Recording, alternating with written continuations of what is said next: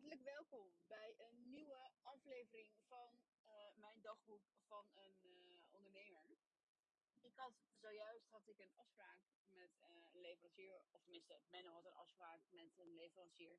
En ik ontving de man en ik gaf hem een kopje koffie in het restaurant. En hij zei: Ik vind het zo leuk om te zien dat jullie zo blij zijn.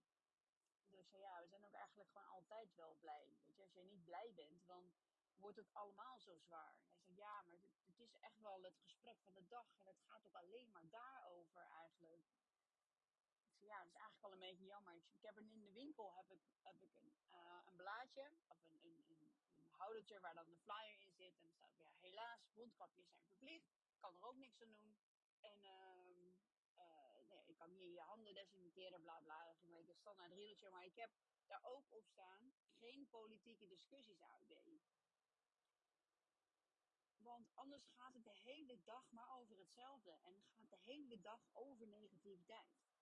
En um, over alles wat niet goed is. En alles wat de overheid fout doet. En alles wat er verkeerd gaat. En alles wat er, hoe de wereld kapot gaat. En uh,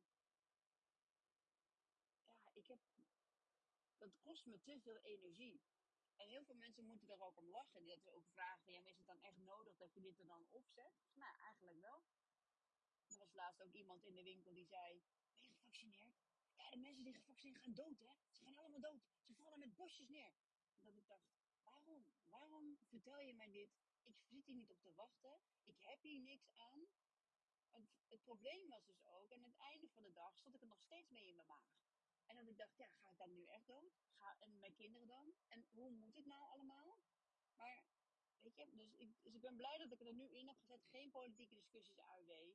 Want ik zit daar niet op te wachten. Ik wil positiviteit. En anders kan ik ook niet positief zijn en ook niet positief blijven. En dat was dus heel leuk dat die man dat zei. Van ik vind het zo leuk dat jullie zo positief zijn.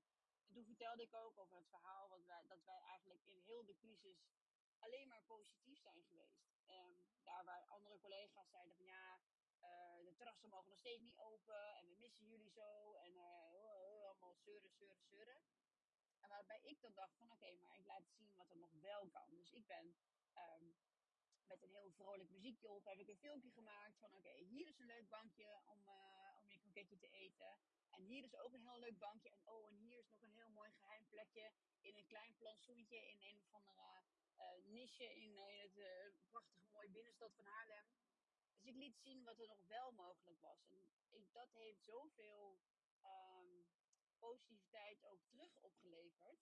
Um, ja, en ja, we zijn wat dat betreft, denk ik, door onze positiviteit op social media en eigenlijk overal, um, zijn we gigantisch gegroeid. Maar natuurlijk ook vanwege onze takeaway menus, die zo ontzettend goed waren. Wij hebben natuurlijk vanaf dag 1 dat uh, de eerste lockdowns aan, uh, werden geïntroduceerd, was ik zelf al waardig in paniek hoor, zeg ik heel eerlijk.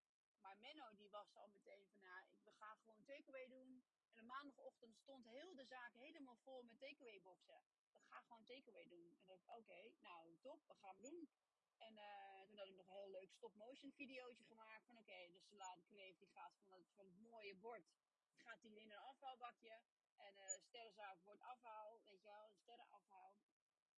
Maar ook weer hele vrolijke content heb ik daarvoor gemaakt. Want stop-motions die zijn we sowieso al wel hele vrolijke, vrolijke tone of voice eigenlijk. Of tenminste, een, uh, ja, een mooi beeld, zeg maar. En uh, ja, we gingen filmpjes maken dat, uh, dat uh, onze medewerkers het helemaal gingen uitleggen, de gerechten. En dat ze de wijnen gingen uitleggen. En dat was super leuk. Super leuk om te doen ook. En je geeft dan toch mensen iets positiefs mee. Maar ja, ook in de tweede lockdown wilde Menno meer plezier maken. Want hij had ja, die takeaway, die takeaway, het is allemaal leuk en aardig. En uh, de, omzetten zijn ook interessant. Alleen, ik wil weer wat meer plezier hebben. Dus ging hij op zoek naar een gebaksvitrine. Maar hij vond een krokettenautomaat. Ik dacht, ja, ik ben de meesterkop, dus ik kan ook wel een kroketje maken. En hij vroeger natuurlijk met, uh, voor uh, Cas Spijkers gewerkt. En die maakte ook kroketten. Dus hij was helemaal geïnspireerd door meneer Spijkers. En, en hij ging kroketten maken. Kreeg truffel en spek. Nee, spek nog niet hoor. Alleen kreeft en truffel. En het was gewoon een mega succes. Um, eigenlijk vanaf het begin af aan al. Hij begon heel rustig. Je 100 kroketten gemaakt. En toen uh, 200 en toen 300. En op een gegeven moment was het gewoon 400 kroketten in een weekend. Het was echt ongekend.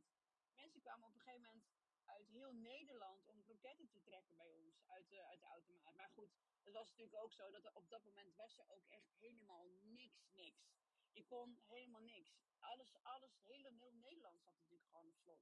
Als ik dit nu zo zeg, dan heb ik het gevoel alsof ik praat over de jaren 40 of zo. Ik bedoel, het is nog maar een jaar geleden.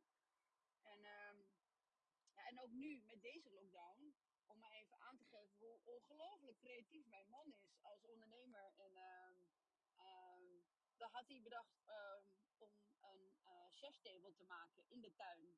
Dus hij heeft een, uh, een kast gekocht en die heeft hij dan opgezet en daar zou je dan een chefstable bij maken, van maken. En dan ging, gaat hij dan tafelbereidingen doen.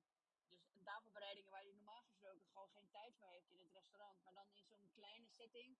Uh, voor vier tot maximaal zes personen kunnen dan in de kas dan de private dining of de. Sorry, ik ben zo enthousiast. Ik ga alles door elkaar halen. De chef's table um, uh, boeken. En dat ze dan ook Menno gewoon krijgen als. Um, um, ik zit in een auto. Dus sorry voor alle extra geluidjes en, en dat soort dingen. Anyway, ik was aan het vertellen over de chefstable. En dat het voor vier tot zes personen is in de kast. En dat men er dan mooie tafelbereidingen gaat doen die normaal niet kan. Maar toen hij tegen mij zei, ik ga een kast bouwen. Dat ik dacht? Ga je een kast bouwen? Maar ik dacht, ja, doe maar gewoon. Want vaak alles wat Menno voor idee heeft, zeg maar, daar maakt hij gewoon wel weer vuurwerk van. Dus ik had er ook wel volledige vertrouwen in dat dit ook gewoon wel weer een succes zou worden. Waren het niet dat we daarna in de volledige lockdown kwamen. En dat hij er ook wel eventjes klaar mee was. Maar we zitten weer in die positieve flow. We zitten weer in onze positiviteit. En we gaan er gewoon voor. En we hebben afgelopen weekend we weer lekker restaurant gedraaid. En het was gewoon super gezellig. Met leuke mensen. En ik heb zelf ook nog meegewerkt. Um, ik heb nog nooit in het restaurant meegeholpen eigenlijk. Want dat was vaak met kinderen en zo. Maar um, uh, kinderen waren lekker bij opa en oma.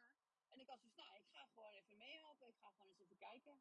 Het was heel interessant, want ik werd, gewoon, ik werd ingewerkt door Ruben en door Stijn en door Stephanie. En iedereen die hielp me ook gewoon mee. En, maar om maar weer even terug te komen op mindset. Ik had eigenlijk het begin van de avond zei ik, ja, maar jongens, ik weet niet hoe het moet. En ik weet helemaal niks eigenlijk over bediening. En ja, jullie moeten bij me alles leren hoor. En dat hebben ze ook wel gedaan. Maar Menno zei uiteindelijk, hij zei, Sas, je moet je mindset even veranderen. Je bent hier gewoon, je bent de eigenaresse van, de, van het restaurant. Jij weet precies wat de gerechten zijn. Probeer het gewoon los te laten. Dat je, dat je niet weet hoe het hoort. Je moet het gewoon op je eigen manier doen. En je moet je eigen, je eigen, inge, in, je eigen, je eigen draai eraan. En dat heeft me wel zo geholpen ook. Um, om ook mijn mindset weer anders, te, anders te, in te zetten aan het begin van de avond. En uh, alles is hartstikke goed gegaan. Natuurlijk wist ik niet alle, alle, alle gerechten uit mijn hoofd. En alle bereidingen van uh, ditjes en datjes, dat wist ik niet allemaal. Maar het was wel gewoon echt super leuk. En ik heb gewoon ook al hele praktische dingen heb ik ook wel geleerd van, uh, van Ruben en van Stijn. En ik vond het ook heel interessant om ook te merken hoe ik dan word ingewerkt en hoe ik het dan nu ervaar. Met de kennis die ik nu heb, dat ik ook mensen moet inwerken. En dat ik ook mensen moet helpen uh, nieuwe dingen te doen en uit hun comfortzone te stappen.